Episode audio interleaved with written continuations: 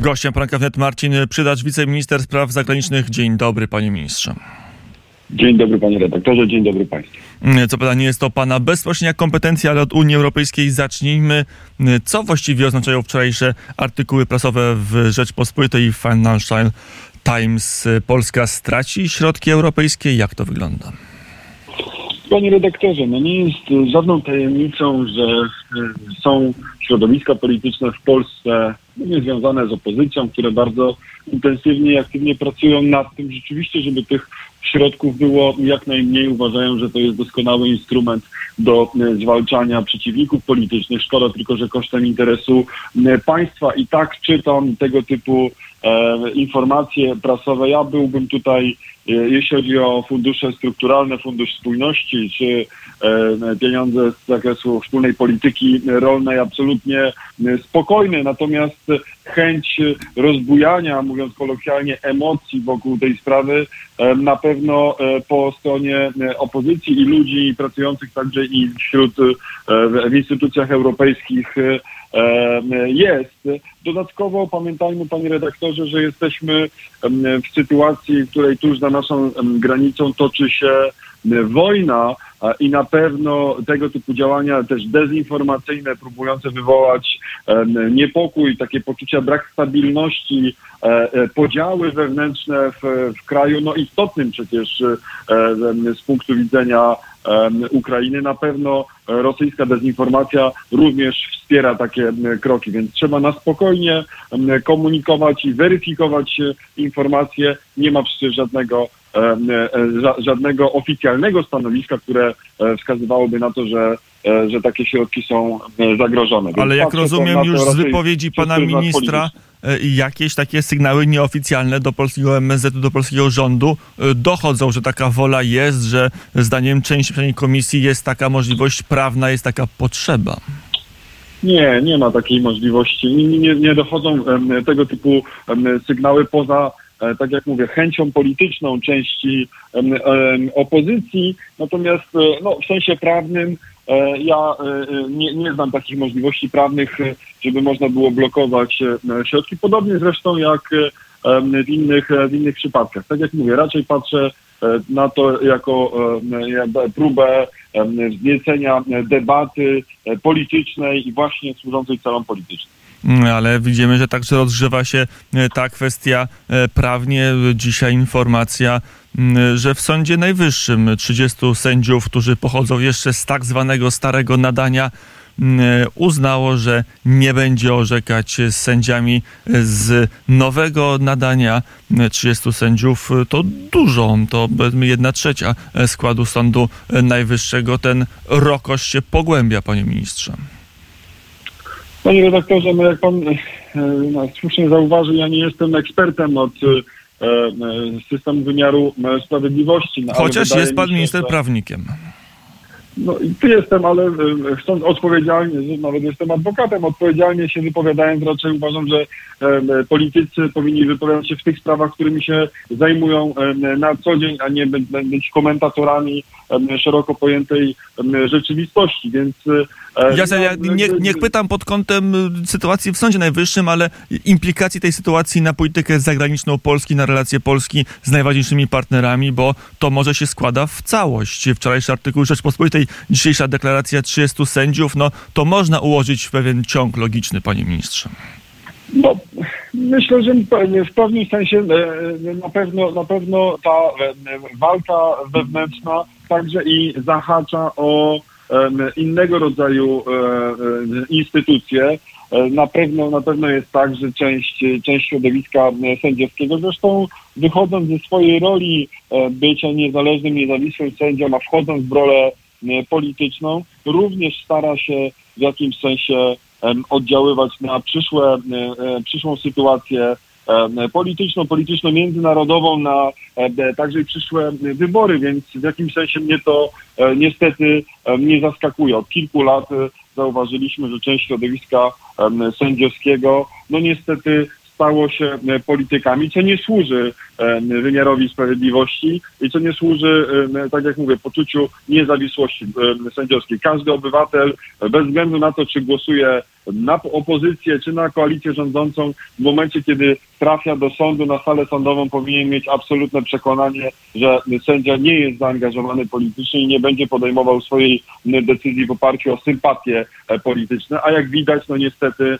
e, e, sędziowie tego w dużej części nie rozumieją. I szczególnie wyborcy opcji rządzącej dzisiaj no mają prawo się obawiać, że, że sędziowie będą podejmować decyzje i wydawać wyroku, wyroki w oparciu o swój brak sympatii do ich wyboru politycznego. Mm, panie ministrze, patrzymy na Ukrainę, tam trwają bombardowania e, miast, jednocześnie w Pekinie trwa e, zjazd komunistycznej partii e, Chin.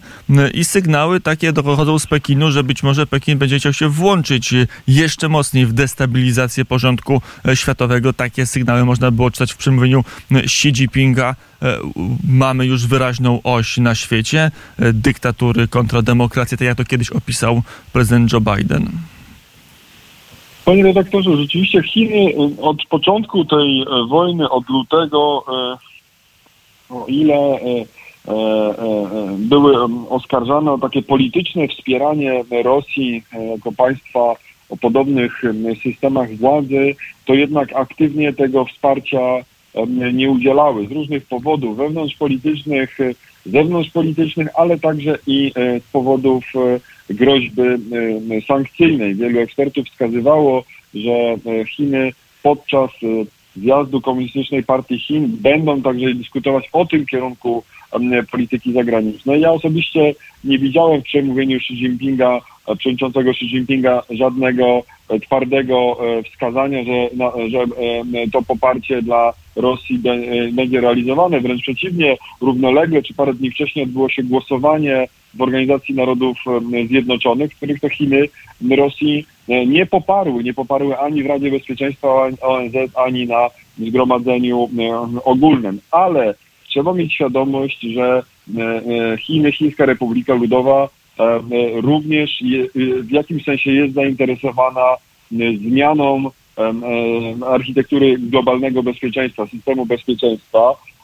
Przecież wiemy, jak, jak widzi, e, e, widzi, widzą Chiny swoją rolę w Azji Wschodniej, jak widzą swoją rolę w Azji Południowej i Południowo-Wschodniej, więc e, pewnie próby jakiegoś takiego właśnie zainteresowania przede wszystkim Zachodem tematem relacji z Rosją, z Ukrainą, po to, aby zostawić wolną rękę gdzieś w Azji, na pewno w Pekinie będą podejmowane. Ale ja byłbym tutaj spokojny. My jako Zachód E, pokazaliśmy e, i Rosji, i Chinom, że w momencie e, zagrożenia. Możemy być zjednoczeni, możemy bardzo twardo odpowiadać i z całą pewnością przewodniczący Xi Jinping także i to rozumie. I myślę, że ma swoiście rozumiane pretensje do Władimira Putina, że pozwolił Zachodowi właśnie na pokazanie tej swojej siły, bo to dzisiaj także będzie musiało być brane pod uwagę przez Chiny i każdego innego aktora, który chciałby zmieniać rzeczywistość w sensie negatywnym. Mm, a Zachód pozostanie zjednoczony, pozostanie e, jeden kierunek i jeden zakres działania w Waszyngtonie, Paryżu, Berlinie, Warszawie chociażby? No panie redaktorze, zawsze jest oczywiście ryzyko. Strona rosyjska także i nie śpi, próbuje rozniecać te podziały, zwłaszcza w kontekście e, rosnących cen energii, E, rosnących w ogóle cen, inflacji, która przecież jak wszyscy doskonale wiemy jest w dużej mierze e, e, fundowana przez działania Władimira Putina w kontekście braku nawozów, węgla i tak dalej, to wszystko będzie akcelerowane przez Rosję. Będzie, Rosja będzie chciała i na zachodzie Europy, i w naszej części świata wzniecić emocje, które mają się obrócić nie przeciwko przecież Władimirowi Putinowi, tylko przeciwko własnym rządom i, e, i te naciski miałyby zmierzać do rozbicia tej jedności e, i do zaprzestania wspierania Ukrainy. Taki jest plan i taki jest cel Kremla. Nie możemy się na to oczywiście złapać, nie możemy się na to godzić, musimy mieć świadomość skąd te wszystkie zagrożenia um, idą. Natomiast e, no ja też oczywiście nie dam stuprocentowej gwarancji, że e, na Zachodzie, w Berlinie, w Paryżu te sentymenty um, prorosyjskie nie będą, nie będą odżywać. No niestety widzimy, że obiecane uzbrojenie, które powinno w trybie pilnym trafiać na Ukrainę, no z różnych powodów gdzieś utyka i nie jest przesyłane tak szybko, jak powinno być, więc ale na ten A jakie uzbrojenie uważam, że... powinno trafić? Jakby patrzymy z punktu widzenia Warszawy, Rzeczpospolita, jakie ma oczekiwania wobec Zachodu, jak wymarzyłaby sobie zakres pomocy kolektywnego Zachodu dla Ukrainy? Panie redaktorze, w tym momencie Ukraina e, potrzebuje tak naprawdę trzech e, rzeczy. Przede wszystkim systemów obrony e, powietrznej i, i przeciwrakietowej. No, obserwujemy przecież ataki na infrastrukturę cywilną, na em, zwykłe bloki, domy, na place zabaw. Ukraina powinna mieć e, bardzo zaawansowane systemy obrony e, e, przeciwrakietowej po to, aby strącać te rosyjskie e, rakiety. Po drugie, do prowadzenia działań ofensywnych e, Ukraina potrzebuje e, artylerii. O im dłuższym zasięgu, tym, lep, tym lepiej po to, aby móc e, e, razić w, jakimś sensie zaplecze logistyczne agresora. No i po trzecie oczywiście potrzebuje amunicji do tych e, systemów. To są trzy takie podstawowe problemy, i one, problemy czy wyzwania i one nie są żadną tajemnicą. Zresztą część państw zachodnich obiecało, także i em, Niemcy obiecały przesłanie takich systemów. No póki co wiem, że przesłały jeden system obrony e, rakietowej. Myślę, że stać na pewno największą gospodarkę europejską na dużo e, większą pomoc. A na co stać jeszcze Polskę? Panie redaktorze, Polska naprawdę zrobiła już bardzo, bardzo dużo i to w kluczowym okresie, w tym najtrudniejszym, kiedy e, e, inni byli pogrążeni w, dyskusjach, w debatach, e, czy należy, czy nie należy. My uważaliśmy, że to jest e, sprawa esencjalna, sprawa e, dotykająca bezpośredniego naszego e, bezpieczeństwa. I nie mówię tylko o bezpieczeństwie Polski, ale całej Europy, a nawet region, całego e, regionu euroatlantyckiego. Więc Polska naprawdę, jeśli chodzi o wsparcie e, militarne, zrobiła bardzo dużo. Podobnie jeśli chodzi o wsparcie humanitarne. I na ten moment podobnie- więcej zrobić nie może, oczywiście poza amunicją czy jakimiś drobnymi dostawami, ale większych, dużych donacji nie należy się spodziewać ze strony Warszawy w najbliższym czasie, panie ministrze?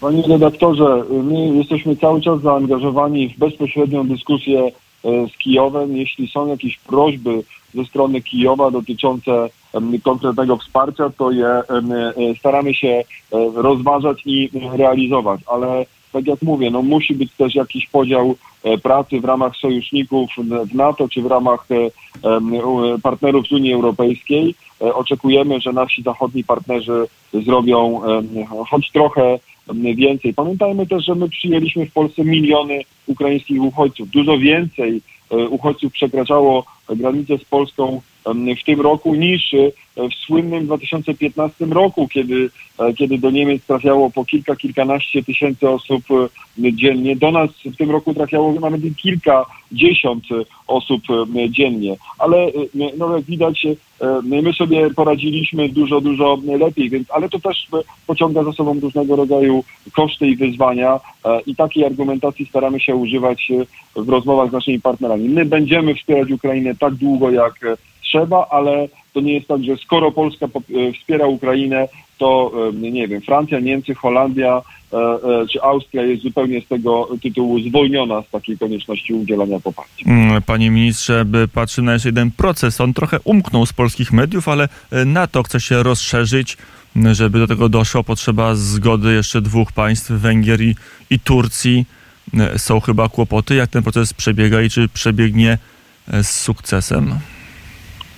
Od samego początku ten proces e, e, e, włączania Finlandii i Szwecji był obarczony właśnie tym ryzykiem związanym z, z pos- postawą finalną kilku naszych sojuszników. Nie wszyscy byli tak mocno i ochoczo gotowi do podejmowania takiej decyzji, ale decyzja na szczycie w Madrycie zapadła. Wszyscy sojusznicy zgodzili się na, e, na przyjęcie e, Finlandii i Szwecji, także i Węgry i Turcja. Więc my jako sojusznik natowski oczekujemy teraz, że skoro powiedziało się A, to również i e, powie się B w postaci wypełnienia już w zasadzie formalnych e, e, obowiązków. E, e, Turcy od razu zapowiadali, że ten proces ratyfikacji u nich e, będzie trwał e, dłużej, na pewno do późnej jesieni, więc no jest e, październik. Liczymy na to, że że będzie ta decyzja podejmowana. Pan prezydent Andrzej Duda podczas swojej niedawnej wizyty w Nowym Jorku rozmawiał także z prezydentem Erdoganem, właśnie namawiając go na jak najszybszą decyzję ratyfikującą, no ale wiemy, że Turcja pro, prowadzi swoją własną politykę, często nieco zaskakującą dla innych sojuszników czy partnerów, więc no, możemy tutaj działać i, i, i dyplomatycznie starać się ich przekonywać, no ale czekamy na finalną decyzję. A jaką politykę prowadzi Budapeszt? Zrozumiałą czy niezrozumiałą? Panie redaktorze, ja jako człowiek odpowiedzialny za politykę wschodnią i politykę bezpieczeństwa w Ministerstwie Spraw Zagranicznych wielokrotnie wyrażałem swój krytycyzm wobec e, postawy Budapesztu, jeśli chodzi o właśnie te dwa wymiary polityki zagranicznej. Jest wiele pewnie tematów, których e, z Węgrami się e, zgadzamy, ale są też takie, których się nie zgadzamy. My staramy się wykorzystywać te nasze kanały dyplomatyczne do tego, aby przekonywać Budapeszt do danych decyzji i między innymi dzięki temu udało się przyjąć osiem pakietów sankcyjnych na Rosję. Jak wiemy, Węgry w zasadzie przy każdym miały różnego rodzaju uwagi, ale poprzez zaangażowanie rządu polskiego, poprzez zaangażowanie najwyższych czynników władzy w Polsce udawało się te Węgry przekonywać. Ale no nie jest tajemnicą, że Węgry inaczej nieco widzą tą, tą kwestię na wschód od naszych granic. Moim zdaniem nie do, nie do końca, nie tylko zbieżnie, ale nie do końca zgodnie w ogóle z naszym wspólnym interesem i dlatego staramy się ich przekonywać, tak jak to na partnerów w ramach jednej organizacji Unii Europejskiej, NATO przystało. Mm, to jeżeli chodzi o politykę bezpieczeństwa i politykę wschodnią, jeden temat e, tylko poruszmy na koniec polityki krajowej. Mm, e, dzisiaj Donald Tusk o 13 ma się odnieść do e, kolejnej odsłony, jak mm, mówi opozycja, afery taśmowej, z taką chyba sugestią już niespecjalnie krytą, że wybory w roku 2015 ustawiła nam Moskwa i Władimir Putin. Jak pan minister tego typu tezy odczytuje?